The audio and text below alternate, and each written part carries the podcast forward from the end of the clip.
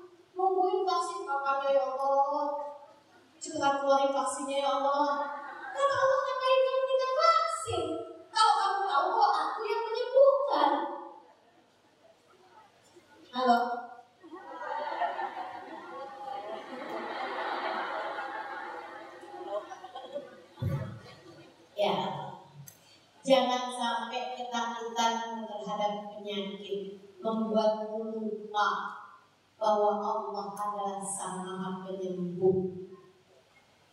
Hah? Jangan sampai kita ketakutanmu terhadap penyakit membuat lupa bahwa hanya Allah lah sang pemberi kesehatan. Maka dalam segala hal mintalah sama Allah.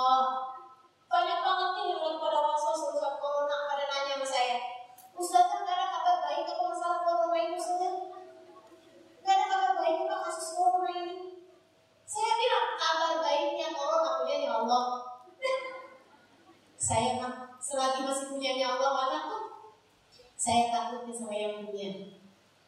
Saya takutnya sama yang punya corona. Kalau dia sampai murka kepada saya, nggak cuma corona yang akan ditimpakan kepada saya. Betul kan? Betul? Betul sekali. Eh, jangan lupa. Ya, ini wajah wajah. للذي فطر السماوات والأرض حنيفا مسلما وما أنا من المشركين إن صلاتي ونسكي ومحياي ومماتي لله رب العالمين لا شريك له وبذلك أمرت وأنا من المسلمين Ini lebih sok-sokan lagi Aduh, luar biasa gitu ya. Nah, Ustazah, itu doa kita segitu bagus ya ngajarin siapa? Nabi Muhammad. Nabi yang ngajarin. Betapa Nabi begitu sangat yakinnya ya bahwa kita ini umatnya akan menjadi hamba-hamba yang tinggi nilainya yang akan selalu menghadapkan dirinya sekurangnya lima waktu dalam sehari semalam kepada Allah SWT dan tidak pernah menjadi hamba hamba Allah yang ragu-ragu. Inna salati sesungguhnya salatku. Nih habis sok-sokan bilang ada saya Allah. Habis itu sok-sokan bilang saya kok ya Allah sholat sholat saya ini ya Allah wa nusuki seluruh ibadah saya wa mati bahkan hidup saya wa mati wa mahyaya hidup saya wa mati mati saya Bila Rabbil Alamin adalah untukmu satu ya Allah. Kata Allah Habis gitu diomelin sama suaminya aja ngambek. Hidupku buat aku gak gitu modelnya. Betul. Betul Abis bilang ini salati wa nusuki wa mahyaya wa mati Lillahi rabbil alamin hidupku matiku untuk kau satu ya Allah duit 50 ribu hilang ya Allah sibuknya curiga banyak orang tetapi katanya bukan cuma duit 50 ribu hidup-hidup yang punyanya Allah. Kita semua mau dikasih mau dipakai apa sama Allah? Halo.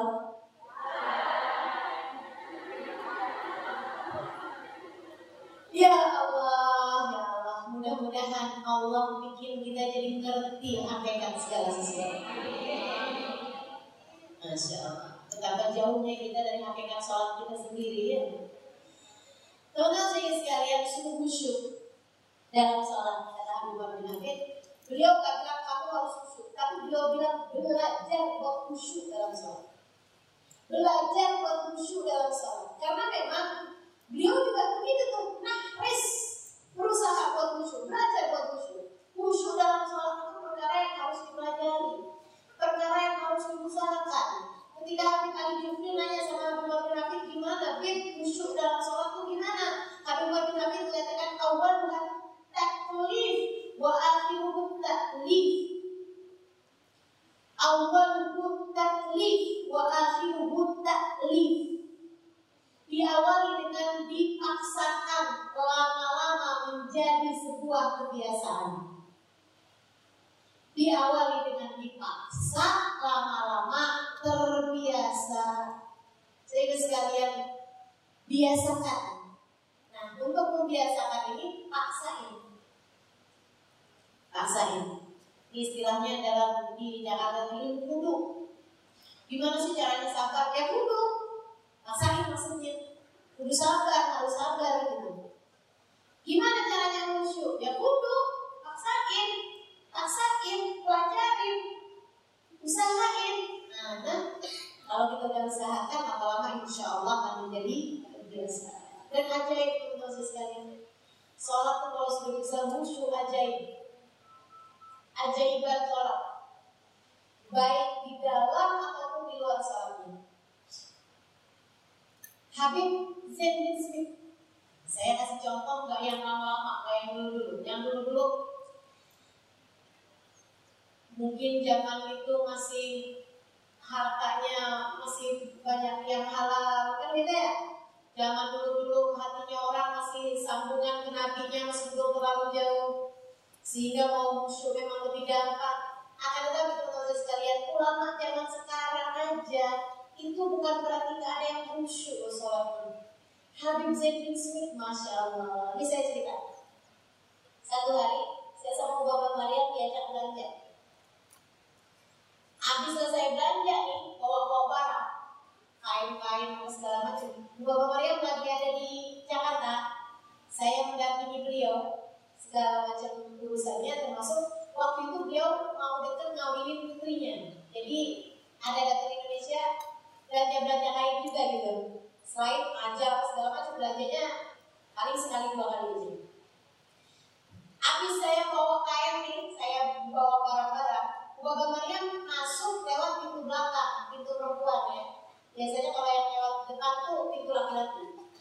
Beliau masuk ternyata ada anaknya laki-laki muda lagi ngeteh di dapur lagi minum teh di dapur saya Norman. Saya mau masuk bapak. Bapak bilang maksudnya jangan masuk lewat pintu belakang. Karena ada anak anak mudanya ada anak beliau yang memang masih muda gitu lagi ada di e, dapur. Pasti saya akan kalau masuk lewatin dia gitu. Kan nggak nggak bagus gitu ya. Jadi bilang maksudnya lewat lewat lewat depan kayak gitu. Masuk kalimat lewat depan. Saya ya ke depan. Saya buka pintu mau masuk ke masuk dalam. Ada Habib saya dari sholat. Namanya orang dan itu tuh kiblatnya itu ngadep ke pintu. Jadi kalau saya masuk paham ya? Habib sih berdiri sholat di depan pintu itu. Jadi kalau saya masuk apalagi mau barang-barang memang nggak langsung sholat awal tapi saya kayak dua meter tiga meter lagi tuh dari depan. Tapi kan kalau saya masuk ini saya akan lewat Habib Zen dengan bawa barang-barang itu. Jadi kan nggak jadi. Saya keluar lagi telepon bapak bapak saya nggak mungkin masuk lewat depan. Kenapa kata bapak? Ada Habib Zen lagi ngapain? Dengerin. Lagi ngapain? Kata istrinya nih. Istri kan yang paling tahu suami ya. Katanya oh, bapak lagi ngapain? Lagi Habib Zen nih saya bilang lagi sholat. Bapak bilang lewat aja. Habib Zen sholat sholat nggak sadar apa-apa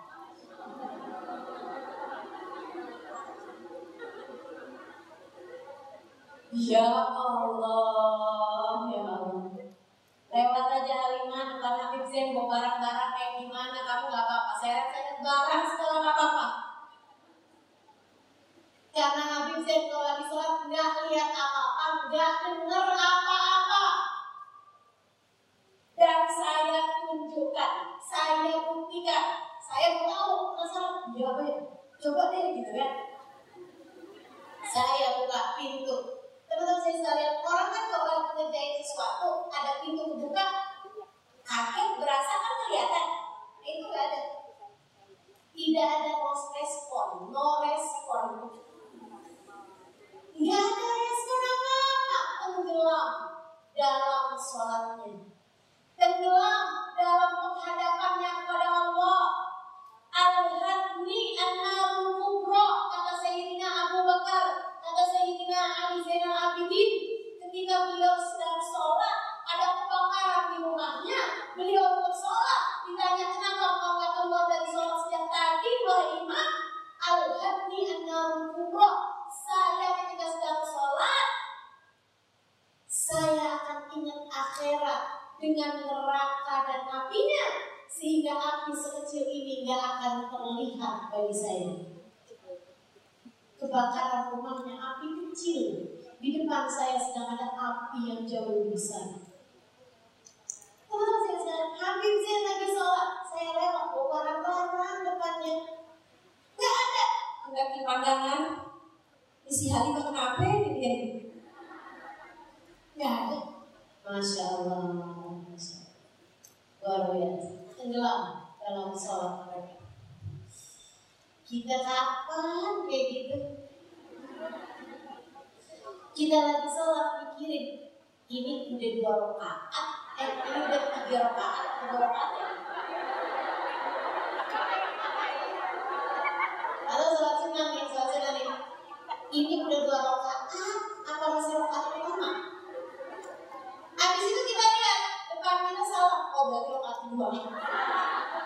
Karena dia tadi mulai sholat karena saya. Ya mungkin kan saya sholat selama itu. Astagfirullah. Ngeblank. Kalau lagi sholat ya, benar-benar ibarat handphone nih, kita kalau lagi sholat nih, handphonenya hang. Handphonenya error. Ya Allah, muliakan kami dengan sholat ya Allah.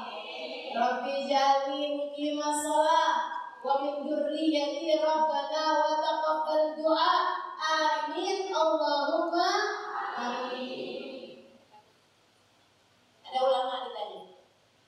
Syekh, gimana caramu bisa menikmati sholat? Ulama tersebut tanya, emang ada yang lebih nikmat dari sholat sehingga saya harus belajar menikmati sholat? Subhanallah ya. Paham gak maksud saya? Jadi beliau bertanya, gimana sih Syekh caramu menikmati sholat? Ditanya sama dia, emang ada yang lebih nikmat dari sholat? Sehingga saya harus cari tahu gimana cara menikmatinya. Masya Allah, bahasa Kadang kasih kasih Allah SWT. Kalau udah dapat khusyuknya sholat gitu ya, sholat itu akan menjadi menjadi semua karunia terindah dalam hidupku. Sampai-sampai Habib Ali Habsyi bilang, Ali ila qablarik syafahu fi'li sholat. La'ala sirus syifa fi waqti tilkal.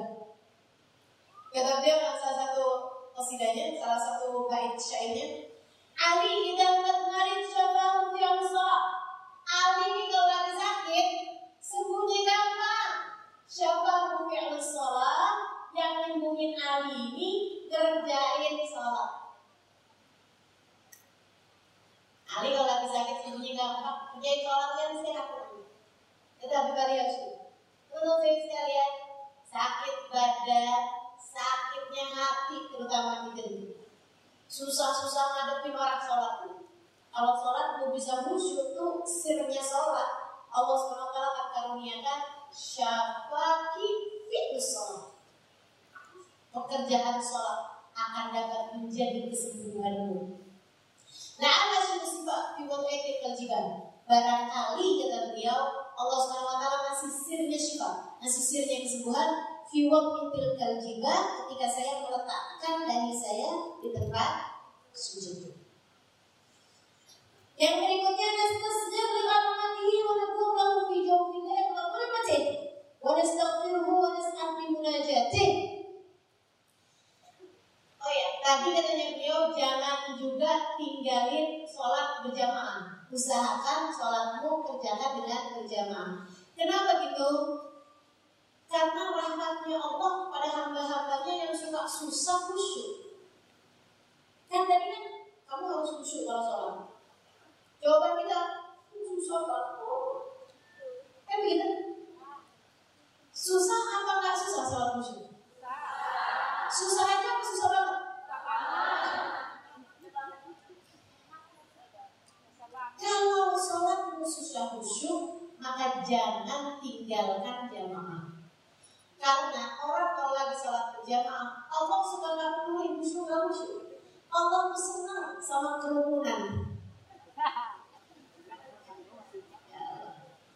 Ya, ini kata-kata saya bisa dipelintir nih zaman-zaman sekarang. Allah suka kerumunan. Gak apa-apa, zaman-zaman pandemi ya kita ngejahin aja. Kalau nggak boleh berkerumun, ya kita jangan berkerumun. Teman-teman saya sekalian, Allah suka kerumunan orang. Gitu ya. Suami, istri, anak-anak. Yang seharusnya suaminya bisa aja sekarang lagi baca berita, lagi nonton TV. Istrinya bisa aja lagi di dapur. Anak-anaknya bisa aja lagi baca buku. Ada yang lagi ngobrol sama temennya, ada yang lagi pegang HP, chattingan. Bisa aja tapi mereka berkumpul bersama untuk mengerjakan sholat. Kumpulnya karena siapa? Itu Allah suka. Allah benar, Allah senang, Allah jatuh hati kepada orang-orang yang suka kumpul-kumpul karena Allah. Karena ya teman-teman saya sekalian, besar harapan saya pada perkumpulan kita setiap kali ini. Karena Allah benar melihatmu kumpul-kumpul bersama pada hari ini. Allah demen melihat kita bersama-sama kumpul-kumpul pada hari ini. Karena kita semuanya kumpul bukan karena urusan partai. Kita kumpul-kumpul bukan karena urusan kerjaan. Bukan kumpul-kumpul karena kita mau bikin satu project. Betul? Kita kumpul-kumpul semuanya ini karena siapa? Saya nggak hadir ke sini kecuali karena ya Allah saya pengen banget membahas tentangmu bersama dengan orang-orang yang hatinya tertuju padamu. Ya Allah saya pengen banget bercerita tentangmu, tentang kekasihmu, tentang para auliamu di hadapan santri-santri yang menghibahkan hidupnya untukmu. Ya Allah saya rindu berkumpul karenamu, berkumpul di jalanmu, bercerita tentangmu. Dan saya yakin Karenanya Allah cinta kepada perkumpulan kita yang semoga dengannya Allah mencintai setiap individu kita. Karena Allah sudah kagum cinta sama perkumpulannya, semua yang ada di perkumpulan tersebut dicinta sama Allah. Dan kalau udah dicinta sama Allah, kalau udah dicinta sama Allah, mohon maaf teman-teman sekalian, setukang sornya bisa jadi dicinta sama Allah. Setukang kembangnya bisa jadi dicinta sama Allah. Allah tuh kalau cinta suka nggak tanggung tanggung. Semua yang terkait jadi dicinta. Makanya harapan saya yang hadir di sini yang dicinta bukan cuma dianya. Insya Allah sekeluarganya semua dicinta sama Allah. Orang tuanya, anak-anaknya, saudara-saudara dicinta sama Allah. Mudah-mudahan dengannya semua urusan-urusan dunia kita dibereskan yang lagi pada ada yang sakit semoga disembuhkan. Yang sedang ada kesulitan semoga dimudahkan. Amin. Ya rabbal Allah cintai orang sholat berjamaah karena mereka kumpulnya karena Allah. Sekali lagi Allah menyukai perkumpulan yang karenanya sehingga andai pun semua gak ada yang khusyuk sholatnya biar semua nih sholat berjamaah tapi hatinya nggak ada yang nyambung sama Allah nggak ada yang sedang punya sinyal sama Allah Subhanahu Wa. HP-nya error semua.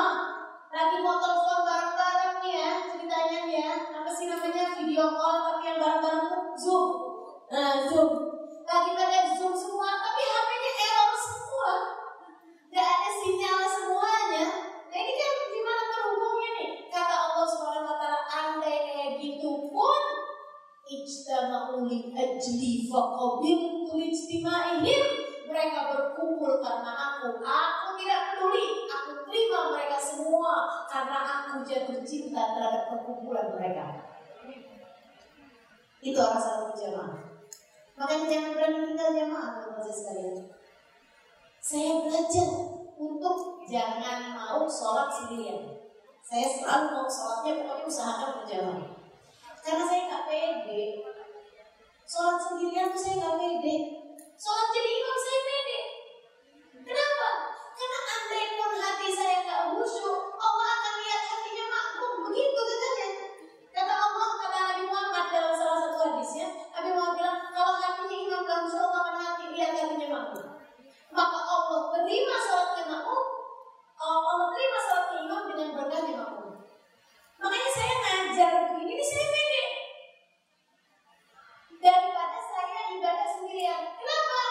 Karena bisa jadi saya diterima sama Allah dengan berkahnya yang hadir di majelis ini. Tapi kalau saya lagi pikir sendirian, saya nggak pede. Siapa saya? Ya Allah, udah gak pantas banget kan pikir saya diterima. Ya, saya sih baca pikiran aja ya Allah. Asal-asal lah pokoknya. Tapi kalau saya ngajar ini saya pede. Gak apa-apa saya. Yakin diterima? Yakin. Kenapa gitu? Emang kamu udah sebaik itu? Sampai kamu ngajar yang diterima? Enggak baik saya. Tapi bersama dengan saya ada banyak orang-orang baik yang dengan sebab mereka hadir di majelis saya, saya akan diterima Allah Subhanahu wa taala berkah dia. Dan bisa jadi dia yang saya maksud adalah kamu, kamu, kamu, kamu, kamu, atau semua yang hadir di majelis ini. Teman-teman saya saya saya mereka jangan tinggal sholat ber gitu ya apalagi sholat subuh Sholat ma, sholat isya sama subuh itu yang paling bagus jamaahnya. Sholat isya dan sholat isya. Jamaatan Zakaan namu gaman sekalian. Siapa yang kerja sholat isya berjamaah, ayah berdiri setengah malam untuk ibadah. Siapa yang kerja sholat subuh berjamaah, kepada menggaman dan kuda. Siapa yang kerja sholat subuh berjamaah, ayah tak tidur sepanjang malam buat ibadah. Kalau yang sholat berjamaah kayak berdiri setengah malam untuk ibadah kayak ibadah lima jam di waktu malam. Siapa yang ngerjain sholat subuh berjamaah kayak nggak tidur semalaman buat ibadah. Dan ada hadis lain mengenai sholat subuh secara khusus berjamaah. Katanya Nabi Muhammad SAW, Man sholat subuh di jamaah asbah fi dhimmatillah. Ini penting. Ini penting saya sampaikan, terutama buat ibu-ibu yang suka ngadu anaknya rada susah dibilangin. Ada? Jangan bilang banyak juga, ada gitu. Kalau merasa. Teman-teman sekalian, jangan sampai kamu, anakmu, keluargamu nggak sholat subuh. Karena ada hadis ini. Katanya Nabi Muhammad alaihissalam, "Man sholat subuh di jamaah asbah fi Siapa yang ngerjain sholat subuh berjamaah dia sepanjang hari itu berada dalam jaminan Allah. Berada dalam tanggungan Allah. Allah itu kalau dikasih tanggungan, kira-kira akan tanggung jawab enggak? Tanggung jawab seindah-indah dan yang bertanggung jawab Allah Subhanahu wa taala. Teman-teman saya sekalian, seindah-indah yang bertanggung jawab adalah Allah Subhanahu Nah Allah bilang, kamu kalau kepengen punya jaminan sepanjang hari, anakmu berada dalam tanggunganmu sepanjang hari, ditakut sama Allah teman sekalian. Ditakut sama Allah tuh kayak gimana? Ditakut sama Allah tuh pastinya bakalan selamat. Selamat tuh dari apa? Selamat dari wabah, selamat dari bencana, selamat dari hal-hal yang tidak menyenangkan, selamat dari dirampok, selamat dari dari pelecehan seksual, selamat dari segala macam hal, termasuk selamat dari dosa. Anak durhaka atau kedurhakaan kepada orang tua, dosa apa dosa? Dosa, dosa kecil atau dosa besar? Akan selamat dari itu ketika kamu sedang berada dalam tanggungan Allah. Gimana caranya berada dalam tanggungan Allah? Sholat subuh berjamaah.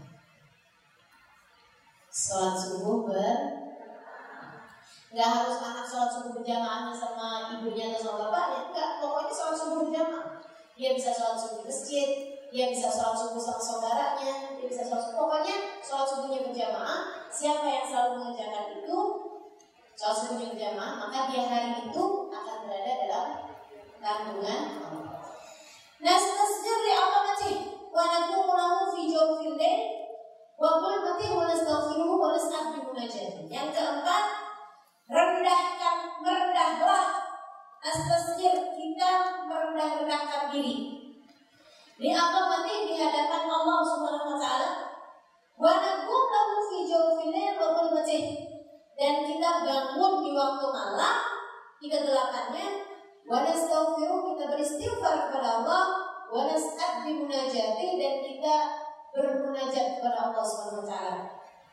Jadi beliau mengatakan kok salah satu akhlakmu kepada Allah taala adalah malam itu jangan dibuat tidur semua. Malammu jangan dibuat tidur semua. Bangunlah sekurang gitu 15 menit, 20 menit, kalau bisa setengah jam sebelum subuh untuk kamu sholat. Untuk kamu menghadap Allah SWT. Ngapain? Nastasir di otomatis.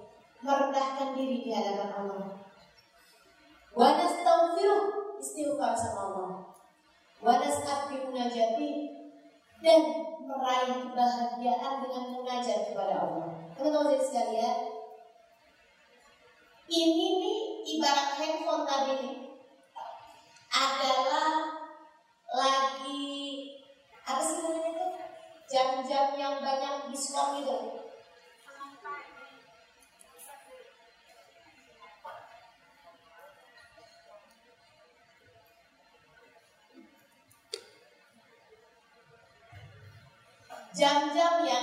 walaupun kamu tuh pulsanya udah tinggal dikit, tapi kamu bisa kerjain banyak hal. Gitu. Itu jam-jamnya itu adalah jam sepertiga malam terakhir. Semakin dekat subuh, semakin semakin bagus jamnya. Walaupun kamu itu kurang-kurang musuhnya, walaupun kamu itu lagi keadaannya kayak gimana, itu adalah waktu yang Allah itu lagi pengen lihat kamu. Jadi waktu paling intens antara seorang hamba dengan Allah Tuhannya adalah thuluthul lailil akhir.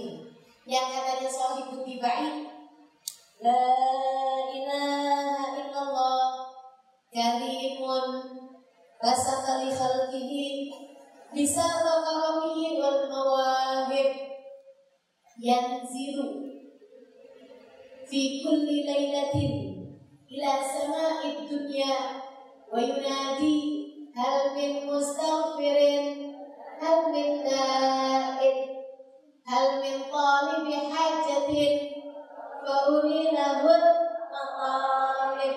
Tuh ya jangan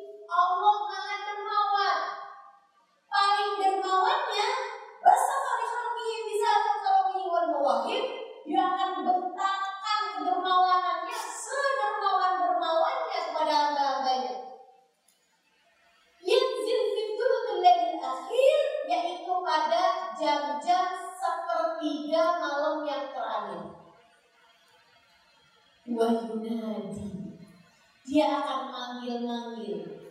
Hal min mustaghfirin hal ta'ib siapa nih yang lagi minta ampunan? Kata Allah gitu. Hal min ta'ib siapa nih yang lagi mau taubat? Hal min talib bi hajatin siapa yang lagi ada hajat? Fa umilahu maqalib. Aku akan berikan semua hajat-hajat kalian Aku akan ngasih apa pun yang kalian minta. Sampai teman saya cerita, namanya Khadijah dari Baydok yang saya tulis di buku Muasabah Cinta. Ketika dia sedang ada masalah suaminya, suaminya jadi pemabuk, suaminya nggak pulang-pulang. Dia akhirnya kemudian mengistiqomahkan untuk tahajud di waktu malam. Tahajud di waktu malam ya, di sepertiga malam yang terakhir ya itu benar-benar doa minta sama Allah. Nah, teman saya Khadijah ini bilang saya nggak percaya ada doa. Di sepertiga malam yang terakhir nggak dijabah sama Allah saya nggak percaya. Saya nggak percaya ada doa di sepertiga malam yang terakhir tidak dijabah oleh Allah. Yuk teman-teman saya sekalian. Yuk kamu sekurangnya kita setengah jam, 20 menit, 10 subuh minta sama Allah Subhanahu wa taala. Minta. Minta sama Allah Subhanahu wa taala. Ustazah, saya udah tahajud minta jodoh ada kasih. Tenang, Allah lagi persiapkan yang terbaik. Yang tercatat sebagai jodohmu saat ini lagi kurang soleh. Maka ketika kamu berdoa, ya pertemukan saya dengan jodoh yang soleh. Allah pun kemudian sedang mensolehkan calon suamimu sehingga ketika ketemu sama kamu sudah dalam keadaan soleh siap menempuh kehidupan dalam kesolehan bersama denganmu. Allah lagi pengen kamu gak repot-repot mensolehkan dia. Gimana deh? Langsung senyum-senyum. Saya nggak ngerti sama santri yang kalau doa minta jodoh. Asli saya nggak ngerti. Karena sewaktu saya jadi santri, saya nggak pernah doa minta jodoh. Mintanya ilmu yang manfaat, kan lagi belajar ya. Kalau lagi belajar kan pasti kita ilmu yang manfaat. Masa lagi belajar minta jodoh? Nah kan gak nyambung ya. Jadi boleh kau saja doa urusan jodoh boleh, boleh silakan. Teman-teman sekalian, astaghfirullah ya Allah mati menekum fi jawfillah wa dhulmati astaghfirullah wa nas'ad di munajatnya. Innahum kanu qabla dhalika muhsinin Kanu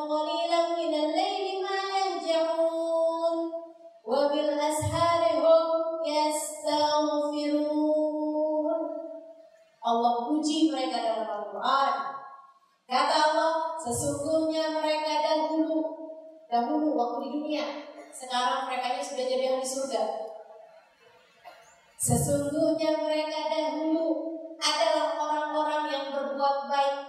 Allah puji nih ahli surga ini. Kata Allah dulunya waktu hidup di dunia berbuat baik. Baik aja ya Allah, berbuat baik aja. Belum. Sifat-sifatnya Allah ini tinggal menguji mereka. Kanu qalilan minal laili ma yahjaun. Di waktu malam tidurnya sangat sedikit.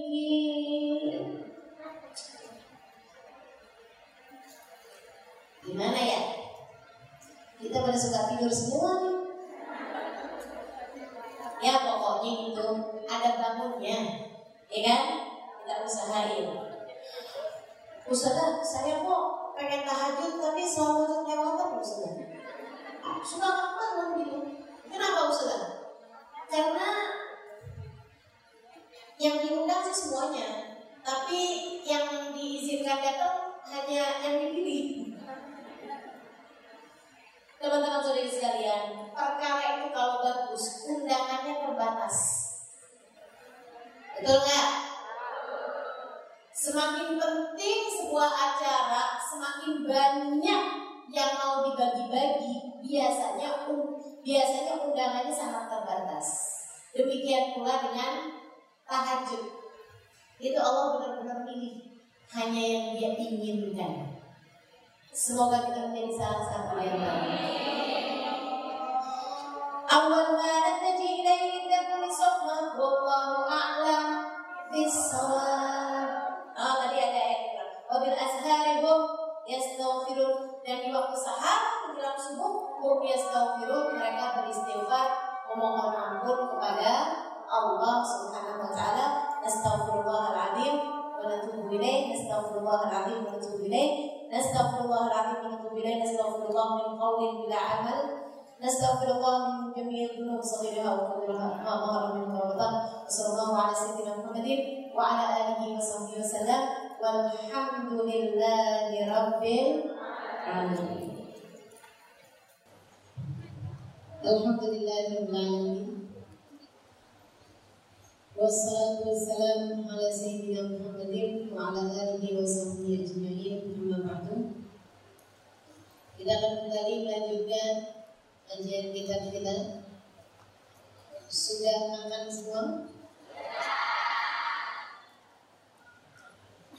Kalau sudah makan Tinggal semangatnya atau tinggal ngantuk?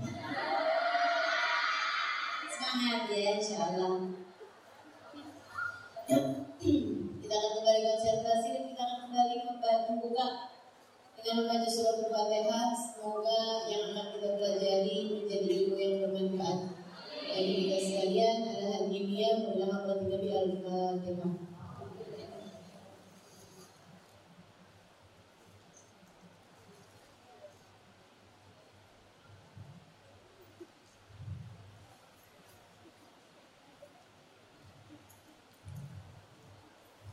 Bismillahirrahmanirrahim.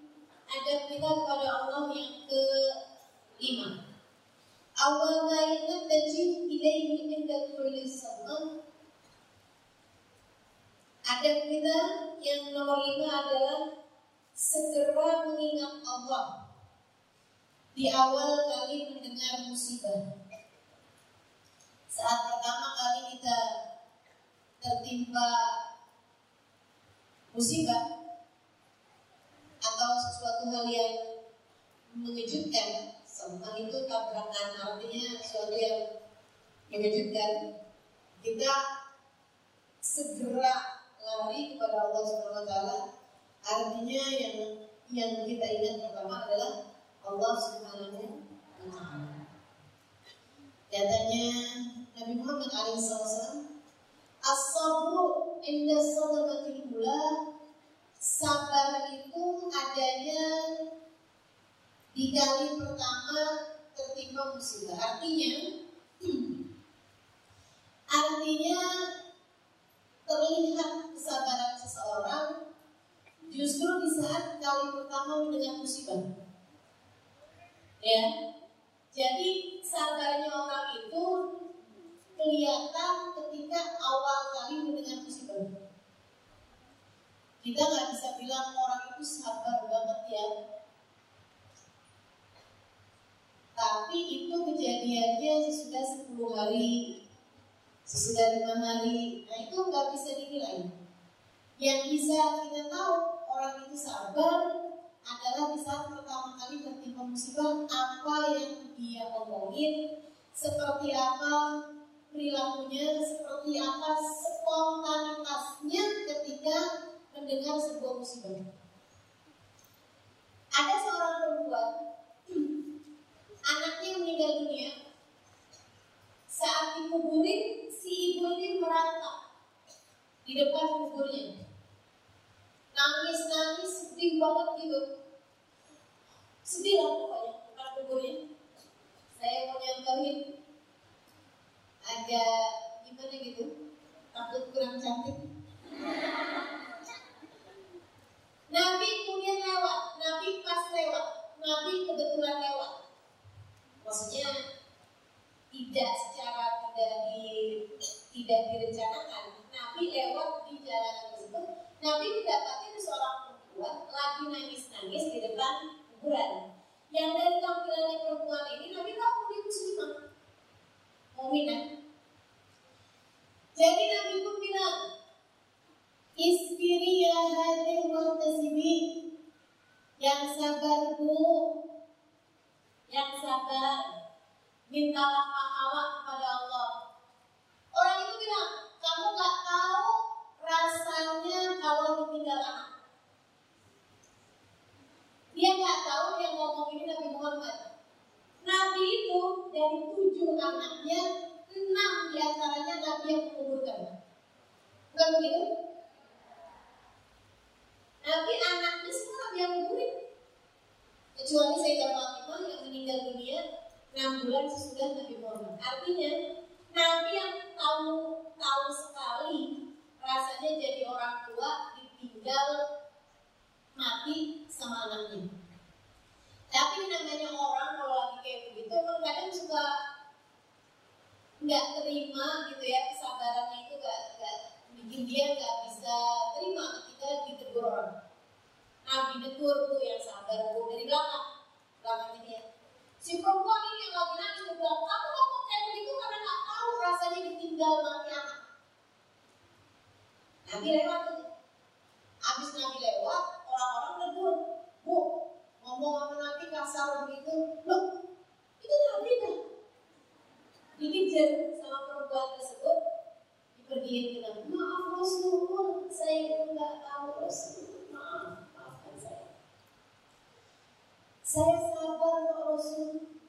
Ditinggal mati anak saya, saya sabar kok.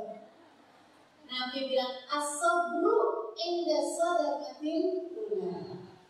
Bu, orang itu sabar itu ketika awal kali mendengar musibah. Nah, ini teman saya sekalian. Jadi, berusahalah untuk spontanmu itu ke Allah. Ketika mendengarkan musibah spontannya kita larinya ke Allah. Maksudnya enggak sebut orang enggak kata-katain enggak. Kan kadang-kadang kalau dapat hal-hal yang tidak menyenangkan spontannya kan biasanya mencaci maki marahin kan begitu ya?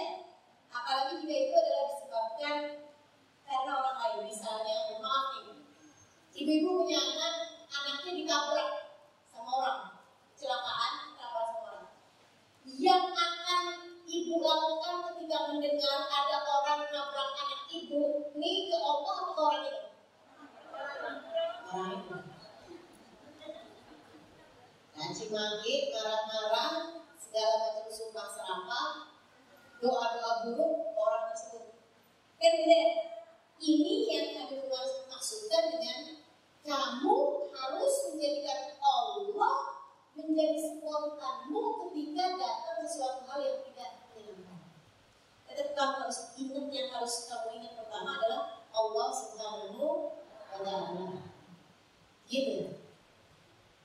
Nah mau belajar spontannya Allah itu nggak bisa kecuali kalau kita melatih diri dengan berkebiasaan mengembalikan segala sesuatu kepada Allah. Karena spontan itu terjadi karena kebiasaan. Coba ibu berarti, kalau lagi kaget, nah, gitu, lagi kaget, apa yang kamu sebut itu pasti karena memang kamu sudah terbiasa menyebut itu. Makanya orang yang menyebut kata-kata kotor di saat lagi kaget, maaf ya, orang latah ketika lagi latah ngomongnya barang-barang kotor, itu karena dia memang membiasakan dirinya berbicara kotor. Saya banyak ketemu orang-orang yang di saat mereka kaget sekalipun yang disampaikan Subhanallah, Innalillah, Astagfirullah, Bismillah itu karena kasih kasih Allah SWT gak pernah saya dengerin begitu kaget atau begitu ada apa-apa yang disebutnya barang-barang yang kotor. Itu kan spontan, kalau spontan kan gak ada hukum. Betul sih sekalian. Spontan memang betul gak ada hukum, tapi spontan itu tergantung sama kebiasaan yang kamu memang biasakan. Makanya biasakanlah hal-hal baik sehingga ketika datang perkara-perkara yang spontan yang kamu akan ingat adalah Allah Subhanahu wa taala. Saya ingat Baba Zahra. Siapa tuh Baba Zahra? Ibunda Habib Umar bin Habib. Ini teman-teman sekalian, orang yang spontannya itu indah karena beliau melatih diri untuk melakukan yang indah dan berpikir sesuatu yang baik-baik. Kami pernah sedang berkumpul di Darussalam. Ada beberapa Zahra di situ. Ibunda Habib Umar bin Habib. Lagi malam, waktunya malam, ada orang yang lagi baca uh, selawat. Kita dengerin gitu. Tiba-tiba lampu mati. Sama kayak santri-santri begitu lampu mati spontannya gimana biasanya betul ya betul ya? Ibu-ibu kayak gitu juga? Sama. Begitu lampu mati spontan kita kan? Teriak biasanya. Jadi kami-kami ini begitu lampu mati jeder spontan teriak. Satu-satunya suara yang berbeda suara Mubarak Zahra. Mubarak Zahra, saya benar-benar dibuat kagum hari itu sama Mubarak Zahra luar biasa. Karena begitu aku mati jebret Mubarak Zahra angkat tangan bilang Allahumma nawir qabri. Ya Allah terangkanlah kuburku dengan cahayamu. Jangan biarkan kubur kami gelap nantinya ya Allah. Jadi begitu gelap yang diingat kuburan. Begitu gelap spontannya minta diselamatkan sama Allah dari kegelapan-kegelapan yang lain. Mereka kasih kasih Allah memiliki spontanitas yang baik karena mereka melatih diri mereka untuk selalu mengerjakan yang baik, berpikir yang baik dan berkata yang baik. Maka kita belajar. Salah satu adab kita kepada Allah Subhanahu Wa Taala adalah di saat tertimpa musibah ataupun hal-hal yang kurang menyenangkan, maka pada saat itu juga kita segera awalnya natajid dari kita tulis sama kita menjadi orang yang langsung mengingat Allah SWT spontan mengingat Allah SWT saat awal tadi mendengar musibah-musibah ataupun uh, perkara yang mengejutkan. Ya. Poin berikutnya nomor 6 Naktakil alim fi jamil umur wahdah. Adab kita kepada Allah taala adalah bertawakal kepada Allah Subhanahu wa taala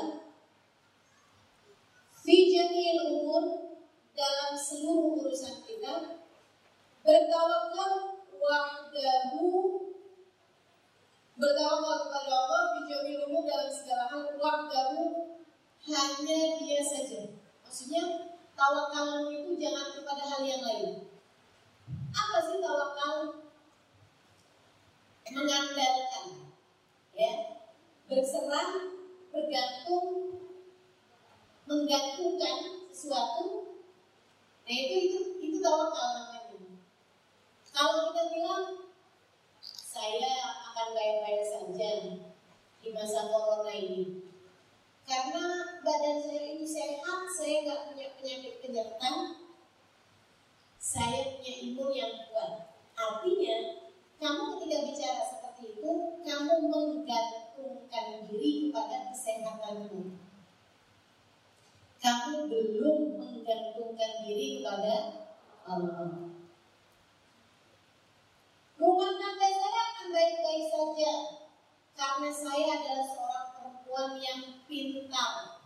Saya hafal ribuan hadis, saya hafal banyak sekali hukum-hukum dalam Islam. Saya hafal banyak ayat pintar. Jadi urusan rumah tangga saya ini akan berjalan dengan baik karena saya pandai. Ini namanya bertawakal pada kepandaian. Bertawakal kepada kepandaian, bertawakal kepada ilmu. Nah yang seperti ini juga artinya dia belum bertawakal kepada Allah. Jangan ngandelin apa pun. Jangan ngandelin siapa pun. Teman-teman saya sekalian. Karena semua andalan selain Allah Subhanahu wa taala semuanya hanya akan membuatmu kecewa. Betul apa enggak? Perlu berapa banyak lagi pelajaran dalam hidupku ini? untuk meyakinkanmu bahwa Allah satu yang bisa mengandalkan. Perlu berapa banyak lagi pelajaran yang Allah berikan dalam hidupmu, Bu? Yang sampai sekarang masih mengandalkan hartamu aja untuk segala macam urusan. Gak pernah dikecewakan sama hartanya? Hah? Perlu berapa banyak lagi pelajaran dalam hidupmu, Bu? untuk membuatmu paham bahwa jangan bertawakal mengandalkan suamimu. Akan tetapi bertawakallah hanya kepada Allah. Gak pernah dikecewain sama suaminya. Hah? Gak pernah dikecewain sama suaminya sampai menggantungkan diri kepada suami yang kayak begitu. Gak pernah kecewa sama suaminya.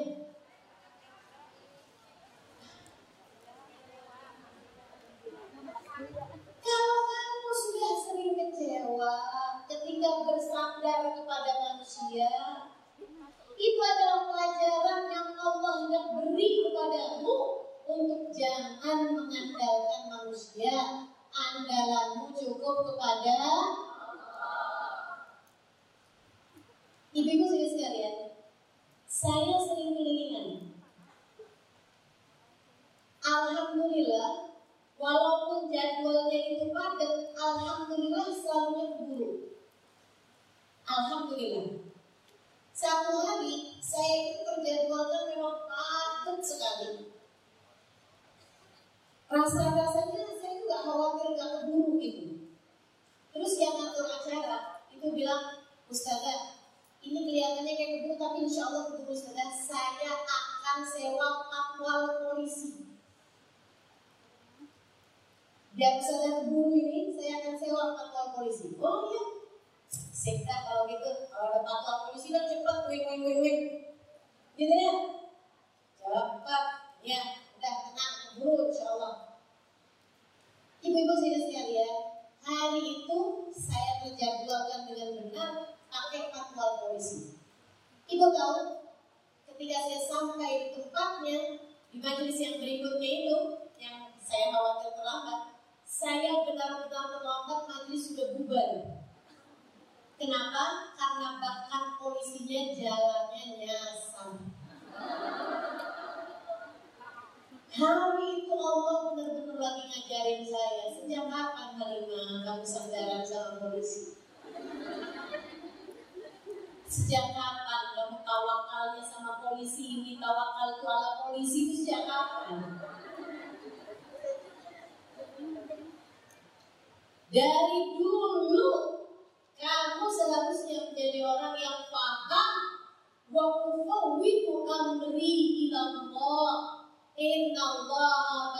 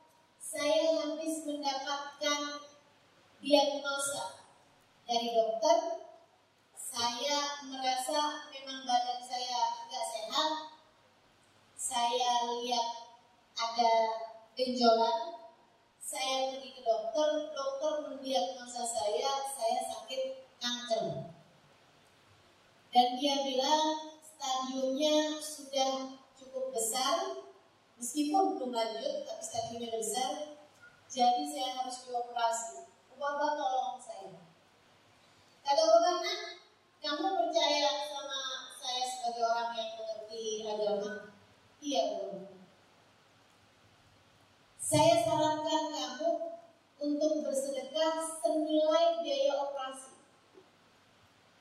Jadi sedekahnya nggak main-main ya besarnya, senilai biaya operasi. Ini saya tekankan karena ada banyak orang itu kalau Nabi Muhammad yang bilang atau Allah yang bilang itu dikerjanya asal-asal. kalau dokter yang bilang dikerjaannya serius kalau uang jutaan rupiah dibuat biaya operasi berasa ringan, dibuat sedekah. Oh, rasanya berat. Jadi ubah-ubahnya bilang sedekah nak seukuran biaya operasi. Kamu nih kalau di operasi biayanya berapa? Anggaplah 200 juta. Kalau kita sedekah lah 200 juta. Dia orang mabuk, dia bilang baik bapak, tapi saya nggak ngerti mesti ke mana mensedekahkan. Atau bapak saya akan bantuin kalau memang kamu merasa perlu. Saya tahu cerita ini secara pasti karena waktu itu bapak meminta saya untuk ikut serta bagi-bagi sedekahnya perempuan itu. Dia bertransfer kepada Baba senilai sekitar 200 juta itu. Baba kemudian bagi-bagi termasuk juga ke saya untuk saya sedekahkan kepada orang-orang yang membutuhkan. Seminggu dua minggu kemudian perempuan itu datang lagi pada Bu Baba, nangis lagi. Dia bilang, Bu Baba, hari ini saya diperiksa dokternya bilang tidak ditemukan satu sel kanker pun dalam tubuh kamu dan sehat, betul-betul sehat. Sampai dokternya tanya, apa yang sudah kamu lakukan sampai bisa terjadi keajaiban semacam ini? Dia cerita kalau Bapak Marian minta dia buat sedekah begini begitu. Dia nanya sama Bapak Marian, Bapak makasih, saya cuma pengen tahu kenapa Bapak meminta saya buat sedekah itu apa apa ininya gitu, apa dalilnya atau apa rujukannya gitu. Bapak Maria bilang, karena saya percaya sama apa yang disampaikan Nabi Muhammad di mana Nabi Muhammad mengatakan dawu bisa datang sembuhkanlah orang-orang yang sakit di antara kalian dengan sedekah gitu Nabi Muhammad bilang begitu, gak ada penyembuh kecuali Allah. Oh dokter mau siapa lagi yang bisa menyembuh? Dokternya aja sakit. Betul kan ya? Gak ada yang bisa menyembuhin kecuali Allah. Nah Allah bilang lewat lisan Nabi Muhammad bahwa Allah akan memberikan kesembuhan ketika seseorang bersedekah. Karena yang beberapa masalahnya orang zaman sekarang ini kalau yang ngomong dokter harus begini, harus begitu, harus begitu, harus begitu, mereka lebih percaya daripada kalau yang ngomong ulama berdasarkan hadis Nabi. Betul? Itu orang lain, tapi orang situ bondo gak gitu. Orang situ bondo, ulama yang bilang lebih mereka percaya daripada siapa pun yang bilang. Insya yang nggak bilang insya Allah bukan orang situ bondo ya. Teman-teman sekalian saya muliakan, jadi gitu ya, yang percaya sama apa yang disampaikan sama Allah dan Rasulnya. Sebab janji Allah itu mesti benar. Apa yang disampaikan Nabi Muhammad mesti benar. Jangan sampai kita tuh jadi kayak orang-orang yang gak kenal sama Allah. Yang kalau diomonginnya sama profesor, sama ahli, percayanya 100%. Tapi kalau yang ngomong ulama, nggak percaya. Ibu-ibu sih sekalian, dari zaman dulu, saya, abah saya kalau ada orang sakit, bacain ayat. Dari zaman dulu. Dari zaman dulu, saya tahu dari zaman mondok di Darulullah, mondok di Al-Anwar, mondok di Tegal, mondok di mana-mana. Kami kalau sakit, atau santri kalau sakit, kita ayat sama sama mudir, sama mudir ma'at, sama pengasuh pondok pesantren dia akan baca-bacain atau seenggaknya kita akan baca bersama-sama kan gitu ya di air dan kami meyakini bahwa air tersebut akan menjadi obat bagi kami. Nggak ada bedanya antara minum air atau minum pil atau minum yang lain-lain ramu-ramuan atau apa. Sama aja kok sama-sama yang ngasih kesembuhan itu satu. Allah SWT dan Allah yang bisa kasih sehat pakai pil, pakai jamu, pakai ramuan bisa doanya orang soleh yang mendoakan air tersebut kan begitu? Orang tapi nggak percaya. Ngapain? Itu malah bahaya. Ada mulutnya orang, ada nafasnya orang disembur-semburin di atas di air. Kalau orangnya penyakitan, bikin jadi terkena penyakit. Katanya orang-orang zaman sekarang nih, lah dari sebelum musiman corona belum masih dari dulu-dulu tuh orang udah bilang kayak begitu. Kalau orangnya punya penyakit, nanti kita malah ikutan penyakit, katanya gitu. Sampai kemudian ada seorang profesor dari Jepang yang menyelidiki kandungan air dan menulis buku berjudul Keajaiban Air. Dia bilang bahwa ternyata air itu memang berubah molekulnya, berubah sel-selnya ketika disampaikan kata-kata yang baik dan akan menjadi energi positif yang dapat menyembuhkan badan ketika seseorang meminum air tersebut. Kalau disampaikan kalimat yang baik. Dan kalau disampaikan kalimat-kalimat yang jelek, kata-kata kasar, sumpah serapah, gitu ya, air tersebut akan berubah jelek molekulnya dan ketika diminum akan menjadi energi buruk bagi orang yang meminumnya. Bu, waktu si profesor itu yang bilang, pada percaya semua. Mereka kemudian rame-rame bawa air, mereka sampaikan kepada air tersebut kata-kata yang bagus-bagus, kata-kata yang uh, indah-indah, gitu ya, dibacakan syair-syair yang indah-indah dengan harapan-harapan energi yang Nabi Muhammad udah ngomongnya dari dulu, ulama kita udah ngomongnya dari dulu. Nah kita jangan sampai jadi kayak kebanyakan orang begitu. Kita orang yang beradab sama Allah, kita percaya penuh sama janjinya Allah. Kita percaya penuh sama firman Allah. Kita menjadi orang yang selalu mengingat Allah, selalu memuji Allah dan berterima kasih kepada kepada Allah. Sering sekali saya melihatkan Kemudian yang nomor delapan nakfurut tadarruk wal ittihad ilaih bisarra wa Nukfir atau baru kita memperbanyak atau baru baru itu berdoa dengan merendah-rendahkan diri pada Allah. Wal ittihal, ittihal itu doa dengan merengek-rengek. Nah, itu ittihal. Ya. Ilaihi kepada Allah Subhanahu wa taala fisarra'i wa dharra. Di saat sarra, di saat lagi senang, wa dharra ataupun di saat lagi di saat lagi susah. Jadi sekalian yang nomor 8 ini banyakin doa. Banyakin doa. Doamu jangan jadikan hanya sekedar Sebab doa adalah semua yang kamu perlukan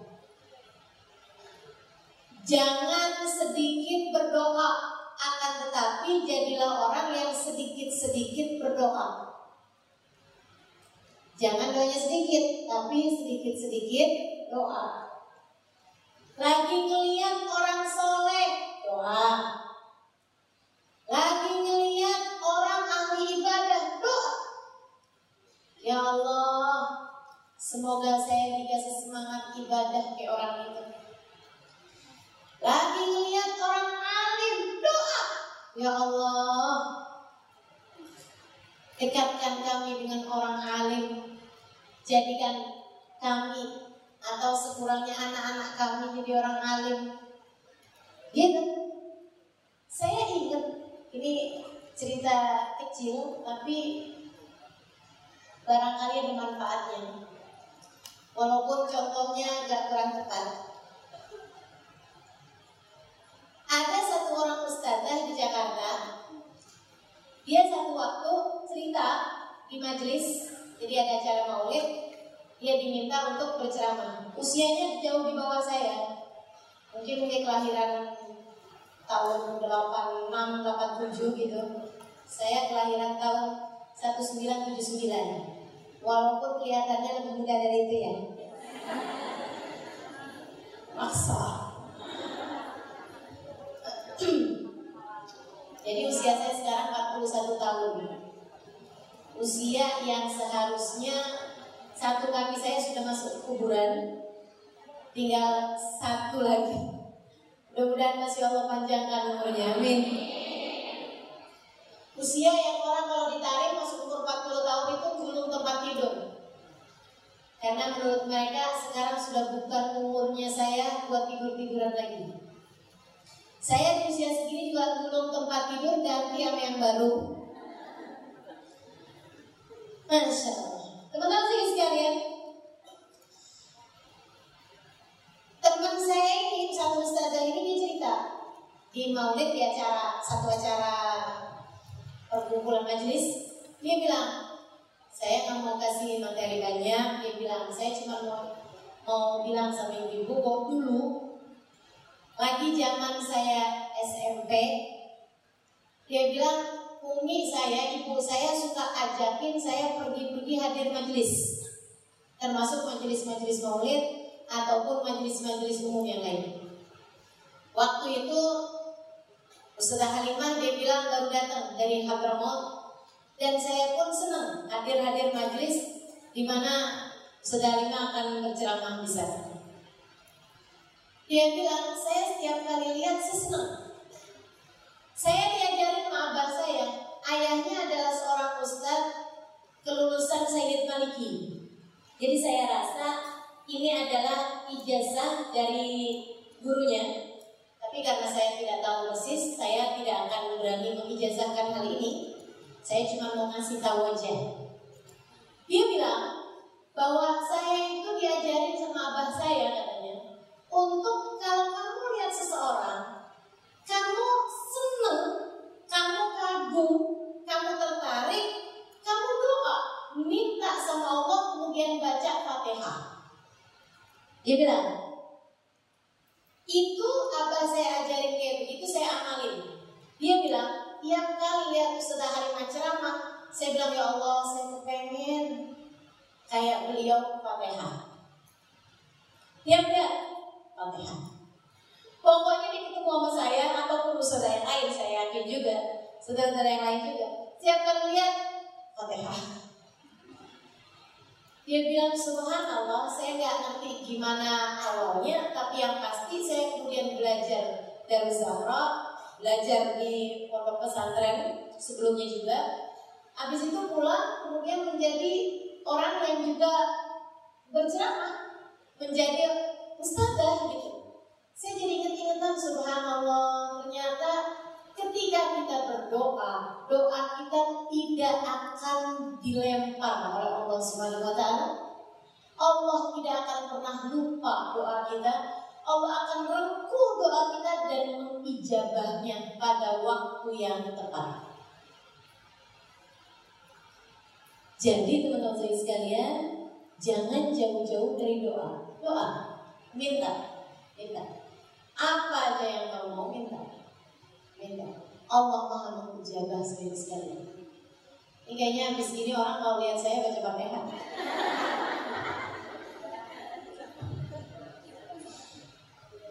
Lihat Kiai Khalil.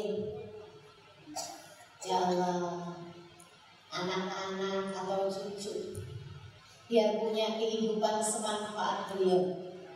Fatihah. Gitu kan gitu ngelihat punyai Nung Ya Allah. Hati bersih. Hidup manfaat. Menebar kasih sayang. Pengen kayak gitu ya Allah Fatihah Kan begitu? Betul? Atau jangan-jangan ibu melihat ada rumah gede,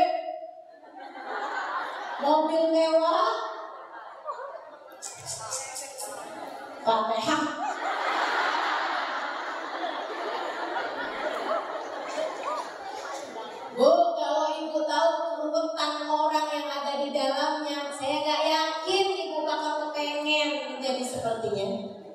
Betul. Tapi kalau kehidupan para ulama, kehidupan orang yang mengerti Allah, Allah tidak meninggalkan mereka. Saya rasa boleh bagi kita untuk berharap-harap pengen menjadi seperti mereka, para orang-orang soleh, para ulama-ulama. Ibu-ibu saudari sekalian, seperti yang saya sampaikan, walaupun contohnya kurang-kurang tepat dalam hal ini, saya hanya mau menyampaikan bahwa doa itu tidak dilupakan Allah SWT. Zaman saya kecil, eh bukan kecil, zaman saya mondok di Dakwah. Saya ini hidupnya banyak mondok dari tahun SD, dari usia 12 tahun sampai saya menikah usia 23 tahun, masih lanjut mondok saya. Saya benar-benar berhenti mondok di usia 24 tahun. Dan itu pun karena udah berhenti mondok dan tinggal di Indonesia dan alhamdulillah berkesibukan berdakwah sampai dengan sekarang. Waktu saya mondok pertama kali di Darul Dakwah, itu saya adalah orang yang tertarik sama ilmu.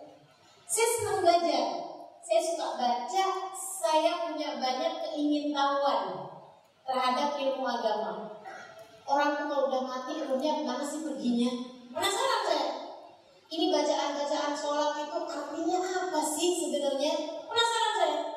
Baca Quran, ayat-ayat juz amma ini apa sih maksudnya? Penasaran saya. Saya punya rasa penasaran yang tinggi. Jadi saya senang belajar, Gak usah dipaksa, gak usah disuruh saya justru nggak belajar kalau lagi ujian. Karena menurut saya kalau lagi ujian itu hanya pengulangan terhadap apa yang sudah kita pelajari. Itu. Gak usah dicontoh. Cuman dulu itu begitu. Waktu saya mondok di Darul teman-teman sih sekalian, saya senang belajar. Saya walaupun saya kurang suka menghafal, saya sukanya memahami, gitu ya. Tapi saya suka semua kegiatan belajar atau kegiatan mendengarkan ilmu ini apa saya senang gitu. Kegiatan yang paling saya nggak suka sewaktu di Darul Dakwah adalah piket bersihin kamar mandi. Piket bersihin kamar gitu. Yang begitu-begitu itu.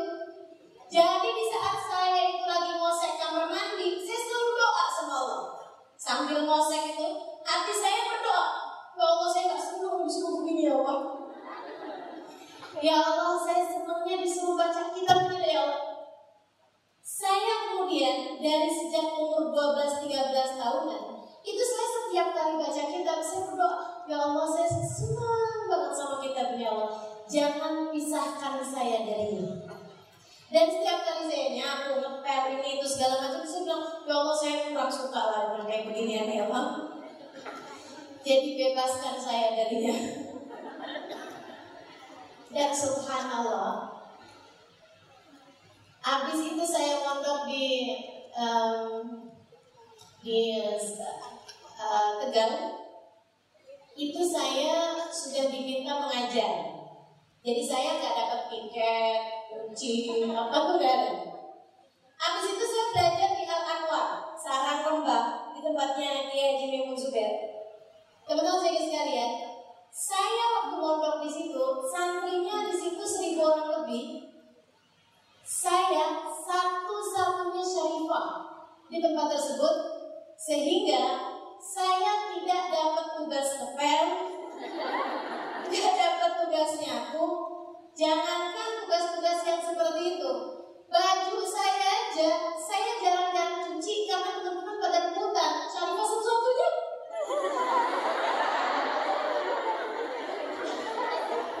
yang mana kiainya Kiai Haji Maimun Suber itu kalau lagi ada pertemuan sama santri-santri putri, nama saya disebut duluan sebelum kepala sekolah. Dan awal-awal itu, dia sebelum nyebutin pimpinan pesantren, gitu ya, pengurus pesantrennya yang ngurus-ngurus itu, dia akan lebih dulu, Dumateng, ingkang kaulo muliakan Syarifah, Halimah, terus itu Sepondok gak ada yang manggil nama saya dengan nama saya. Sepondok manggil saya Syarifah atau Kak. Jadi saya adalah burung kakak tua yang dipanggil kakak bahkan oleh istrinya Kiai. Oleh Bu Nyai manggil saya Kak Iman. Semua orang manggil saya Kak di sana. Jadi kadang-kadang baju yang saya pakai, Kak, baju kotornya Kak, saya mau cuci kata teman saya. Saya bilang nggak ada, udah dicuciin sama yang lain. Ya udah kayak dipakai aja.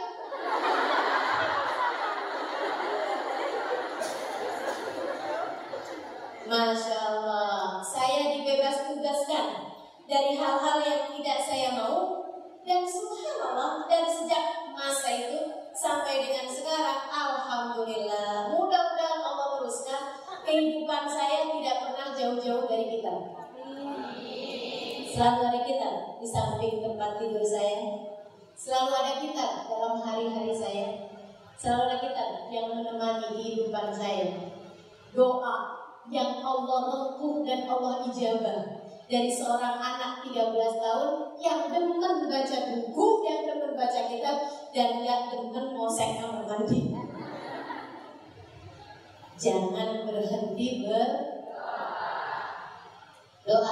doa sekalian. Nah kalau doa, kalau minta, jangan cuma urusan dunia malu. Betul nggak? Setiap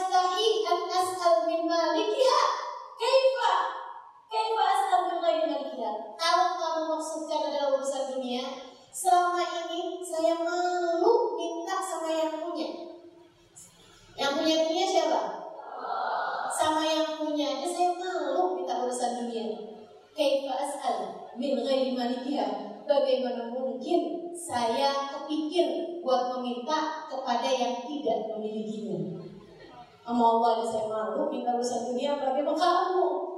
Masya Allah. Yuk, boleh, bukan nggak boleh minta urusan dunia. Silakan, nggak apa-apa. Tapi jangan sampai hajatmu semua urusan dunia. Sama Allah disindir dalam Al-Quran. Kata Allah, Wa minhum man qala rabbana atina fid dunya. Apa hasilnya? Falaysa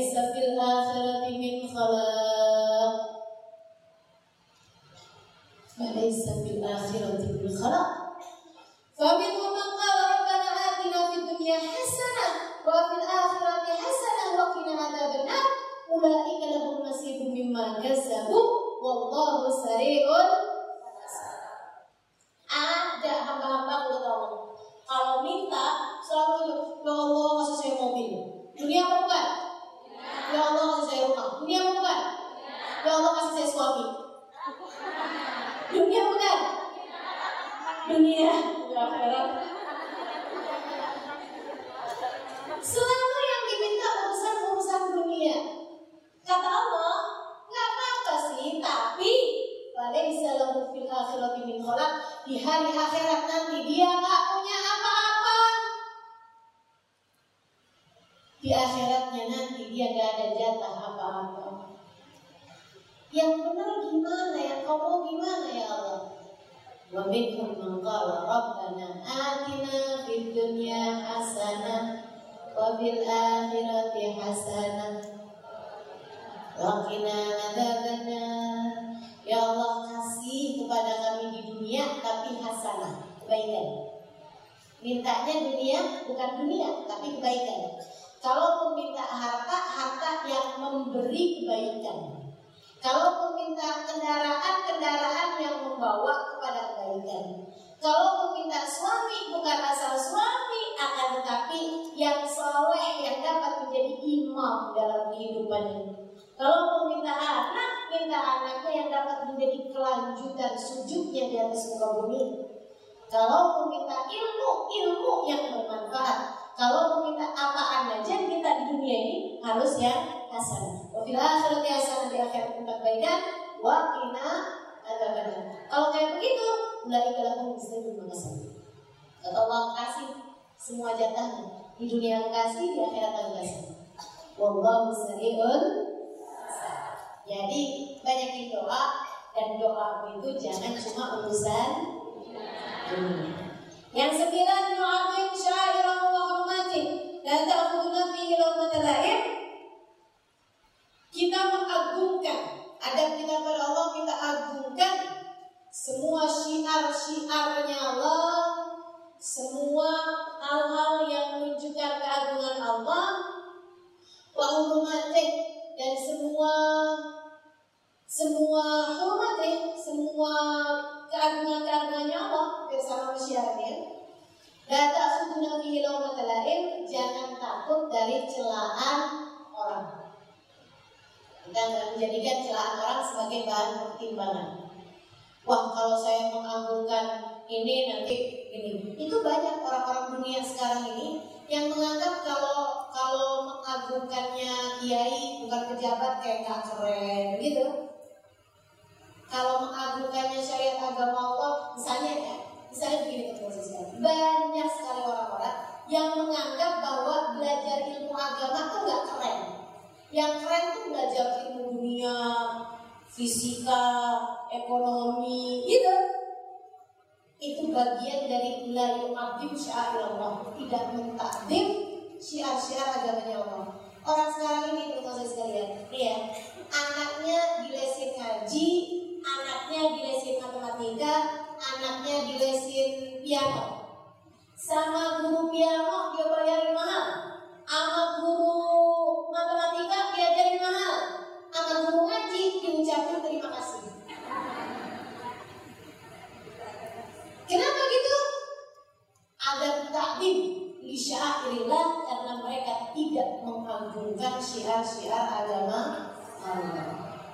Nah ini, nggak usah ikut-ikutan orang. Kita agungkan apa pun aja yang membawa panjinya Allah, yang membawa benderanya Allah kita agungkan segala sesuatu yang di sana ada kaitannya sama Allah. Kita agungkan masjid, kita agungkan Ka'bah, kita agungkan para rasul, kita agungkan makom-makom peninggalan-peninggalan para rasul, kita agungkan warisan Rasulullah Sallallahu Alaihi Wasallam. Kita agungkan keturunan Rasulullah Sallallahu Alaihi Wasallam. Kita agungkan sahabat-sahabat Rasulullah Wasallam. Kita agungkan keturunannya, baik keturunan dalam hal darah, orang-orang yang punya nasab nyambung sama Nabi Muhammad, kita agungkan mereka. Kita agungkan keturunannya dari sisi ilmu, yaitu para ulama, di mana Nabi Muhammad mengatakan al ulama warathatul anbiya hormatmu kepada para ulama hormatmu kepada majelis-majelis ilmu saudara sekalian nah itu adalah bagian dari kita beradab kepada Allah Subhanahu wa taala. Saya perhatiin tuh teman-teman waktu belajar baik di Darul kemudian di pondok berikutnya, kemudian pondok berikutnya sampai ke Darul Zahra yang bermanfaat ilmunya dari teman-teman itu bukan yang paling pintar, bukan. Bahkan bukan yang paling rajin ibadahnya, enggak, enggak. Tapi yang paling besar pengagungannya kepada gurunya, kepada ilmu, yang paling gede adabnya, yang paling hikmah kepada guru-guru, kepada ilmu, kepada majelis, kepada pelajaran, kepada kitab itu yang paling banyak mendapatkan ilmu yang manfaat. Insya Allah mudah-mudahan kita salah satu di antara orang-orang yang mengagungkan syiar-syiar agama Allah Subhanahu. Kita agungkan Al-Qur'an, kita agungkan hadisnya Nabi Muhammad SAW, kita agungkan ilmu agama untuk membuat kita menjadi salah satu di antara yang Allah sebutkan dalam Al-Quran wa man yu'azzim sya'airallah fa innaha fa innahu min taqwal Siapa yang melakukan syiar agama Allah maka itu termasuk di antara ketakwaan yang ada di dalam hati. Yang sepuluh, dan mulistahimu ya. Kita jaga batasan-batasan aturan agama Allah. Kita jaga aturan-aturan Allah.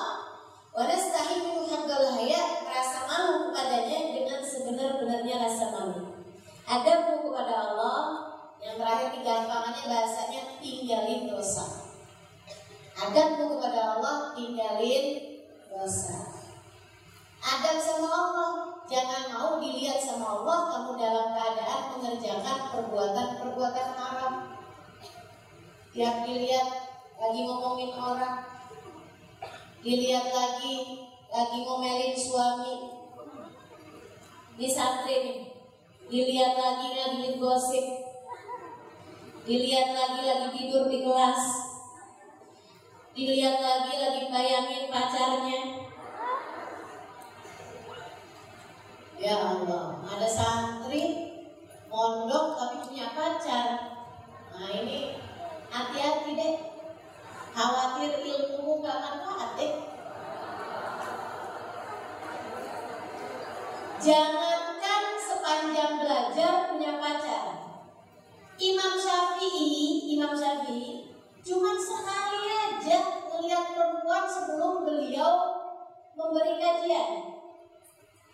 Begitu lagi mau ngajar nyebutin hadisnya Nabi, black, hilang, lupa benar-benar.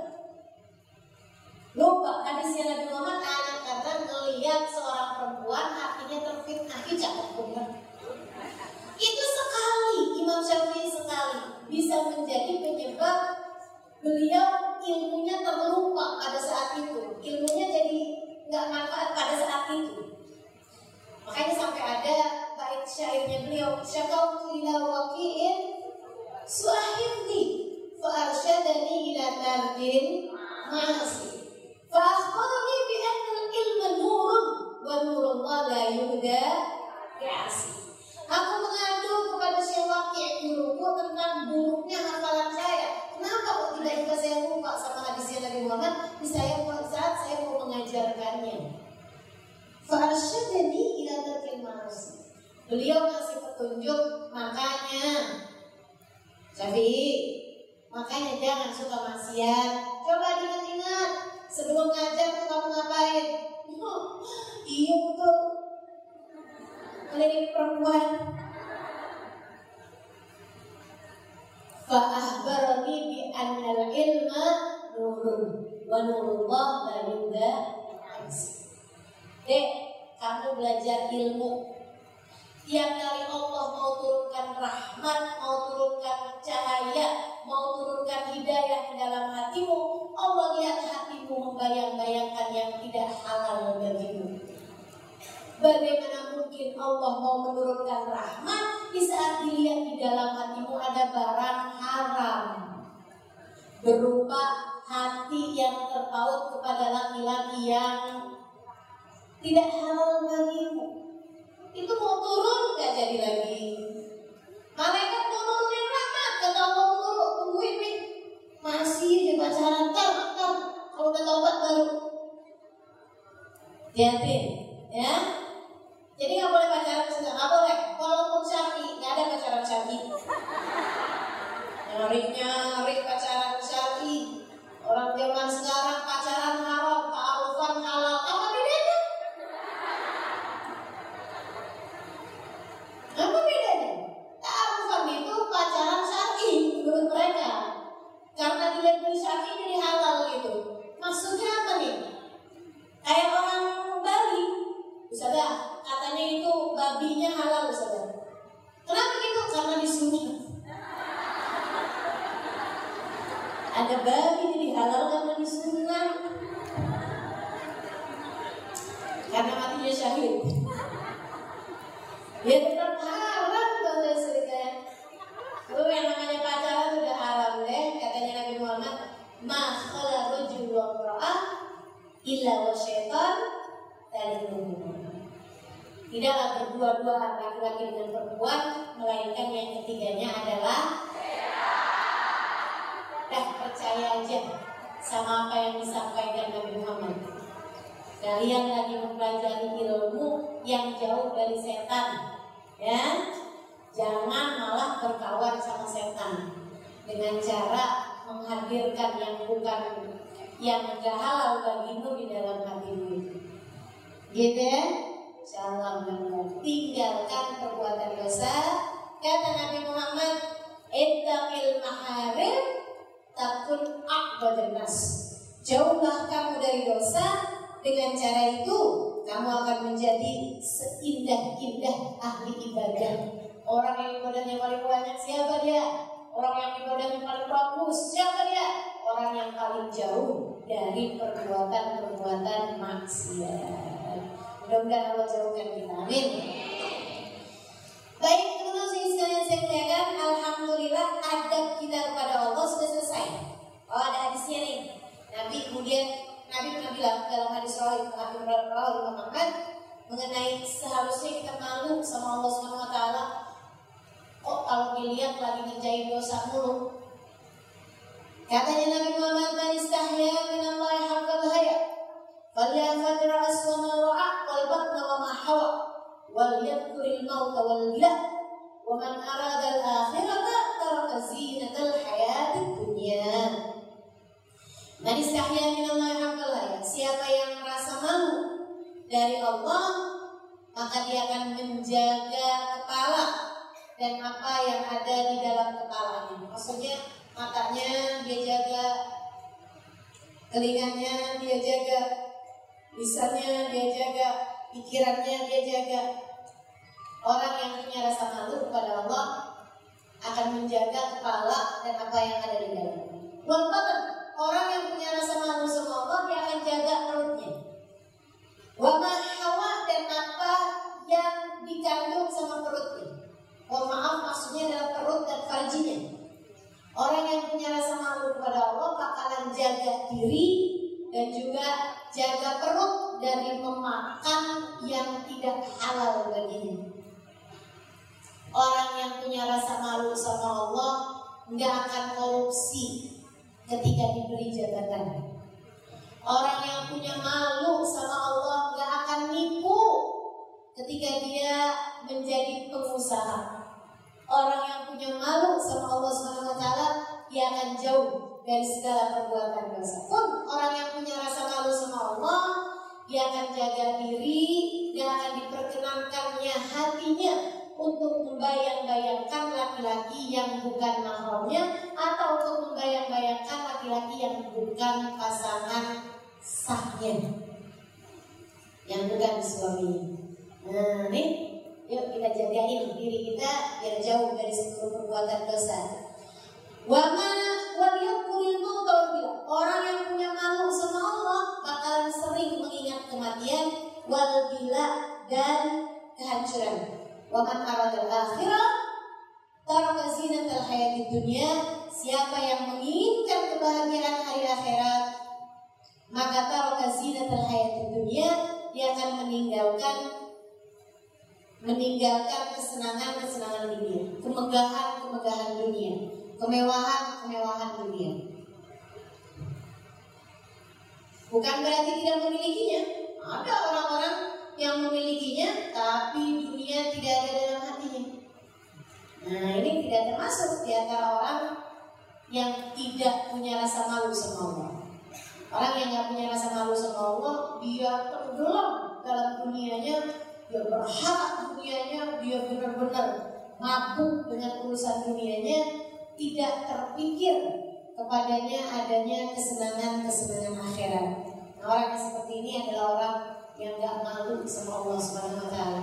Makanya kita belajar untuk punya rasa malu sama Allah Subhanahu Wa Taala dengan menginginkan hal-hal yang memang seharusnya menyenangkan. Teman-teman saya sekalian, yang namanya hiburan, yang namanya hal yang menyenangkan, gak harus dosa. Teman-teman hari ini kumpul di sini ngaji buka kitab senang apa nggak senang? Saya senang. Buka kitab, ketemu teman-teman, masya Allah, senang, senang. Oh ternyata senang bisa seberpahala ini. Ternyata kesenangan bisa seagung ini, bisa begitu banyak udahlah senang di dunia, banyak pahalanya, di akhirat bakalan senang pula. Ini baru sebenarnya senang. Hasanah yang Allah masukkan dalam Rabbana Atina dari ini ya. Nah, mudah-mudahan deh kita bisa dikaruniai oleh Allah kesenangan demi kesenangan tanpa berbuat perbuatan dosa. Amin. Ya Rabbal Alamin. Semua yang hadir di sini semoga menjadi orang-orang yang dapat menikmati dunia dengan sebaik-baiknya tanpa mengerjakan perbuatan dosa insya Allah. Khulukuna. Sekarang kita akan bahas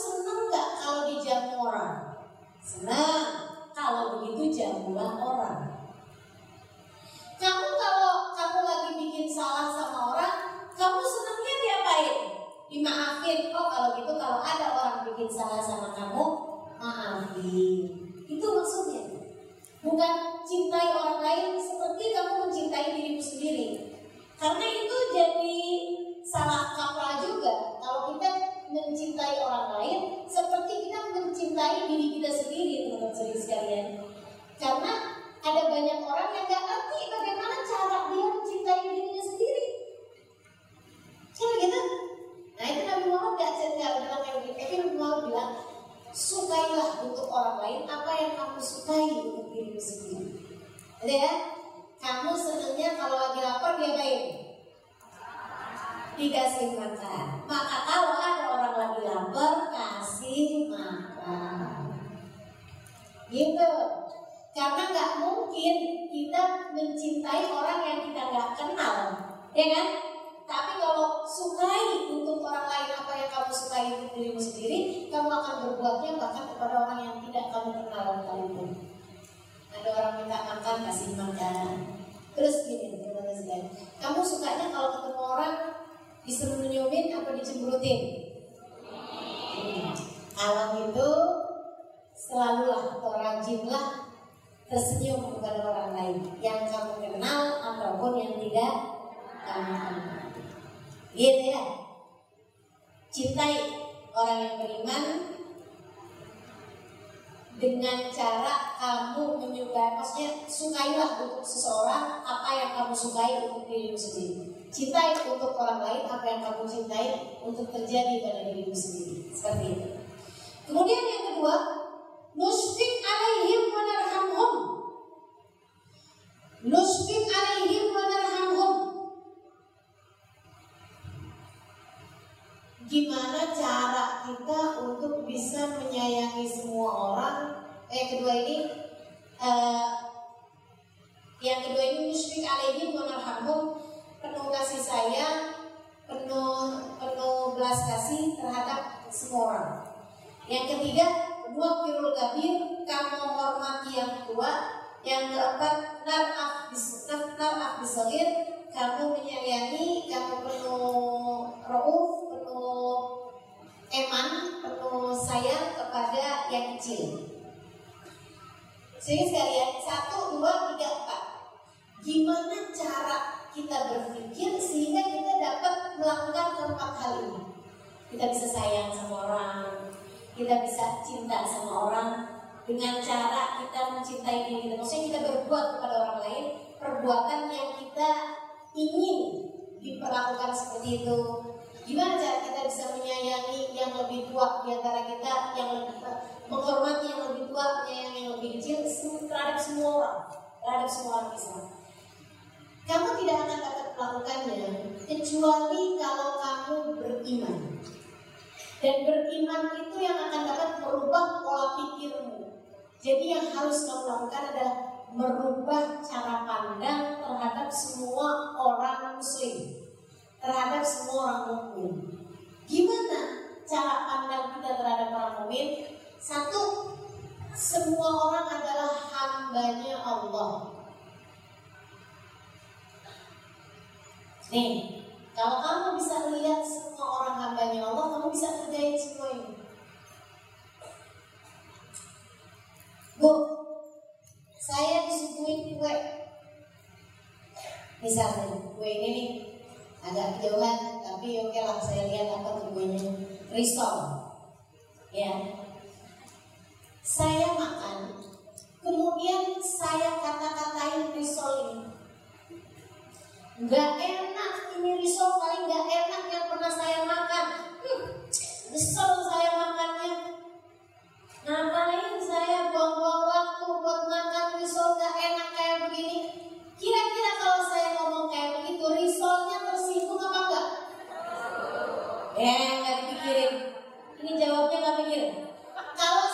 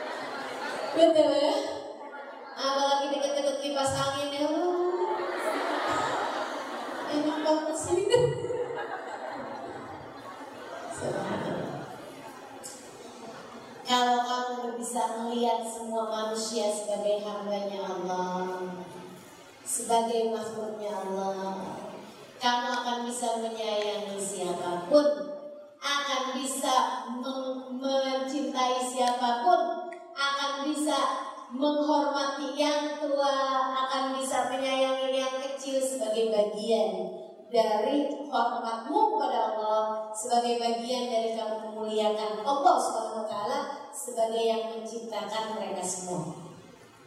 Yang nomor lima, naqbalul ihsan wa nujazi alaih. Saya sebenarnya udah siapin banyak-banyak cerita itu untuk setiap poin-poinnya.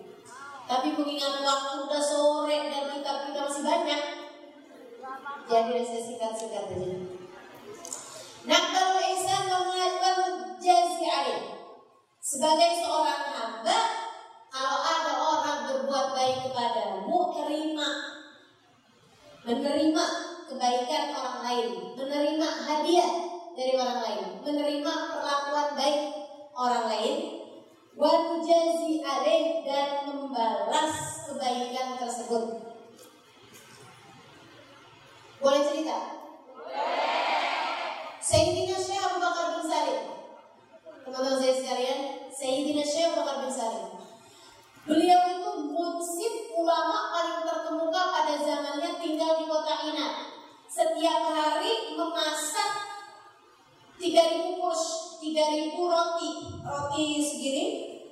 Itu beliau masak setiap harinya 3000 untuk memberi makan kepada para tamu, para santri, para pelajar yang datang dan juga para jamaah yang hadir di majelis-majelis beliau dan juga tetangga sekeliling semua kepada kebagian. Jadi di dapur beliau memasak 3000 roti tiap harinya.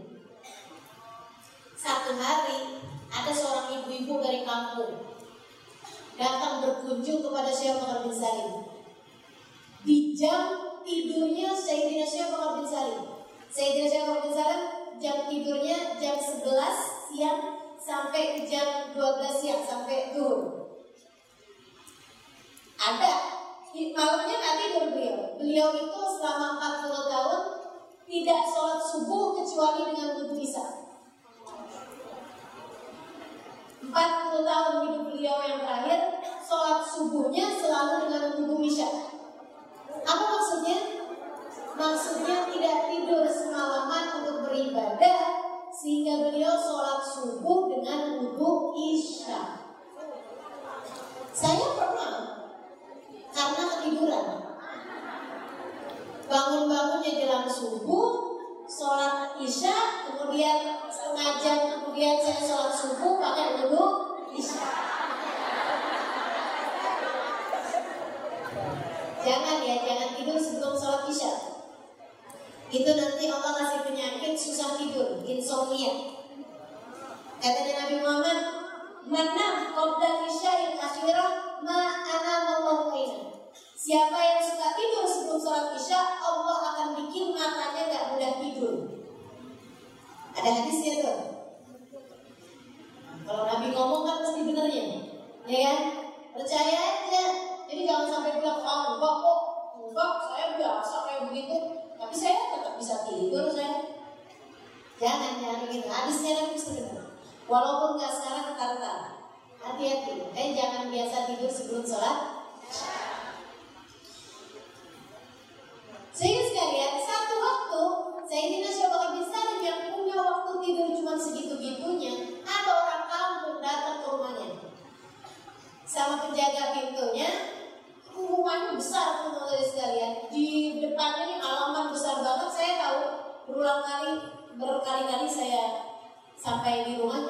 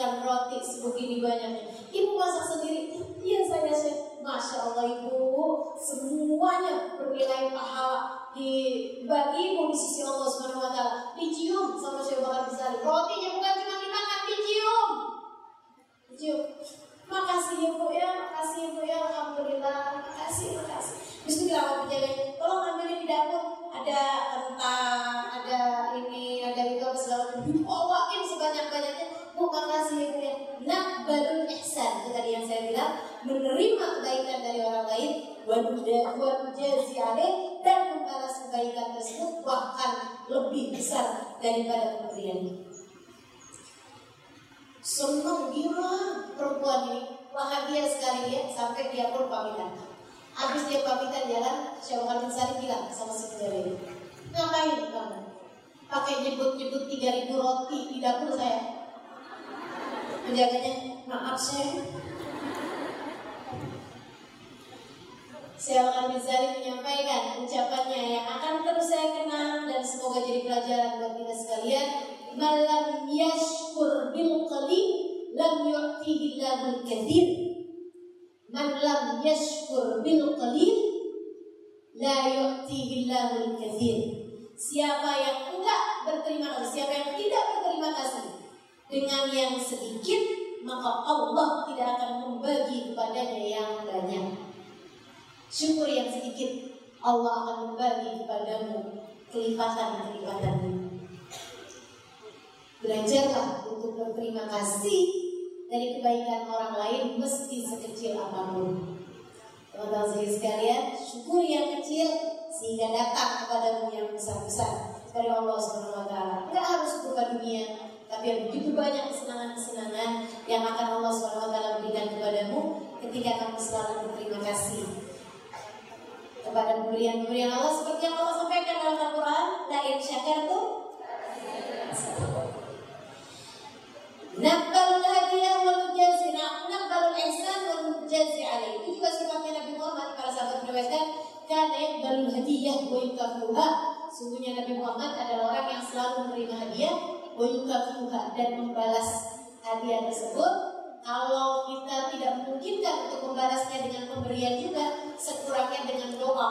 Dan sebaik-baiknya doa ketika ada orang berbuat baik kepada kita adalah dengan kita berkata padanya jazakallah khair. Kalau laki-laki jazakillah khair. Kalau dia perempuan semoga Allah SWT membalasmu dengan kebaikan.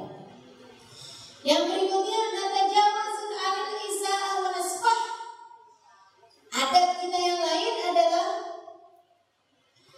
Natajawaz anil isa'ah Kita natajawaz Memaafkan anil isa'ah. Dari keburukan orang lain Wanasfah dan memaklumi kesalahan tersebut.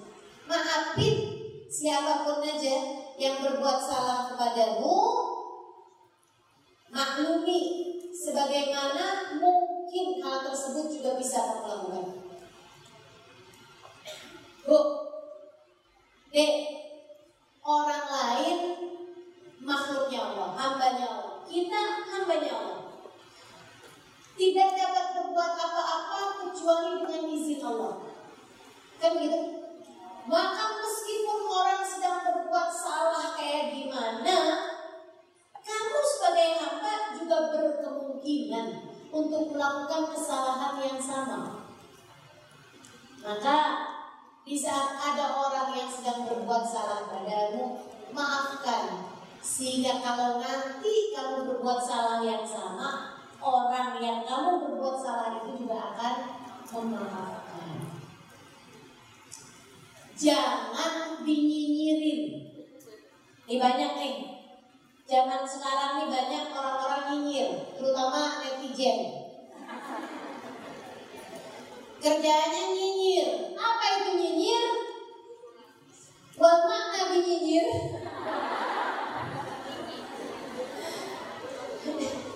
nyinyir itu ngata-ngatain orang ya. Orang bikin salah dikata-katain sampai seadanya. Teman-teman sekalian, Nabi mengatakan tentang urusan nyinyir menyinyir ini. Kata Nabi, ma ayyara ma ayyara rajul akha illa waqa'a mithlu qabla an yamut.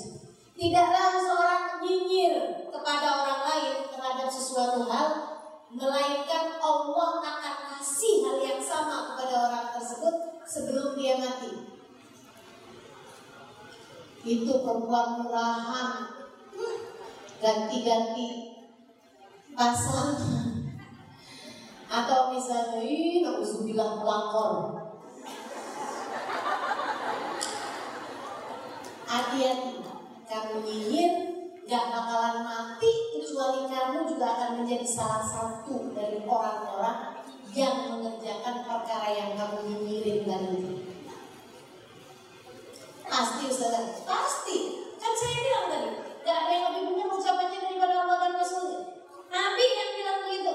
Kalau yang ngomong siapa sih saya bisa percaya bisa enggak. Tapi kalau udah yang ngomong Nabi gak mungkin lagi sampai dari yakinnya La khasyitu an ahbal Kalau saya nyinyir sama perempuan yang lagi hamil Masa perutnya kayak gitu? Nyetawain perempuan lagi hamil Saya nyinyirin perempuan lagi hamil. Kata Sayyidina Ali bin Abi Thalib La khasyitu an ahbal Saya khawatir saya akan dibuat hamil sama Allah dari yakinnya Sayyidina Ali bahwa orang nyinyir itu pasti bakalan kejadian. Gitu ya. Biasa yang saya kalau beliau mikir tentang perutnya yang besar atau apa, ya yang nyinyir itu bakalan dikasih perut besar juga kayak gitu.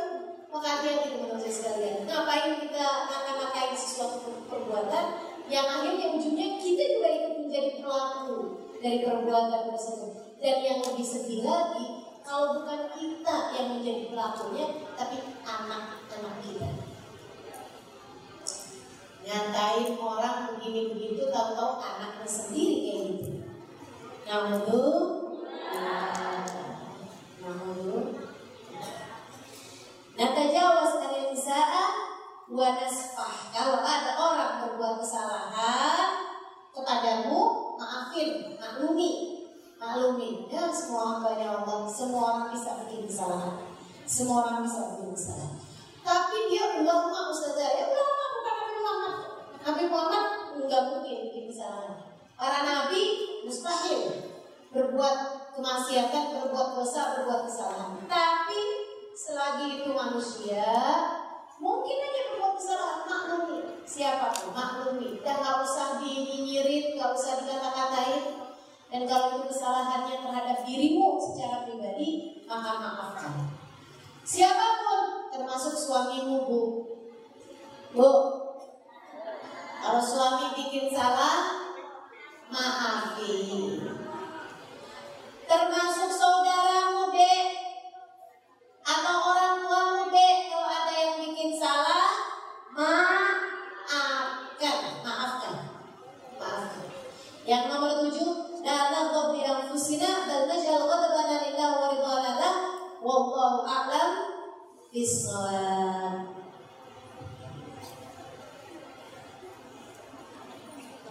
kita cukupkan sesi yang kedua sesi yang ketiga nanti pada asal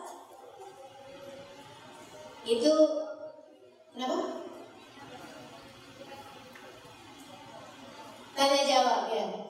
Nah karena kajiannya masih agak panjang, jadi saya akan bikin tanya jawabnya lebih singkat dan materi dulu sebelum nanti tanya jawab. Begitu boleh ya? Iya. Insya.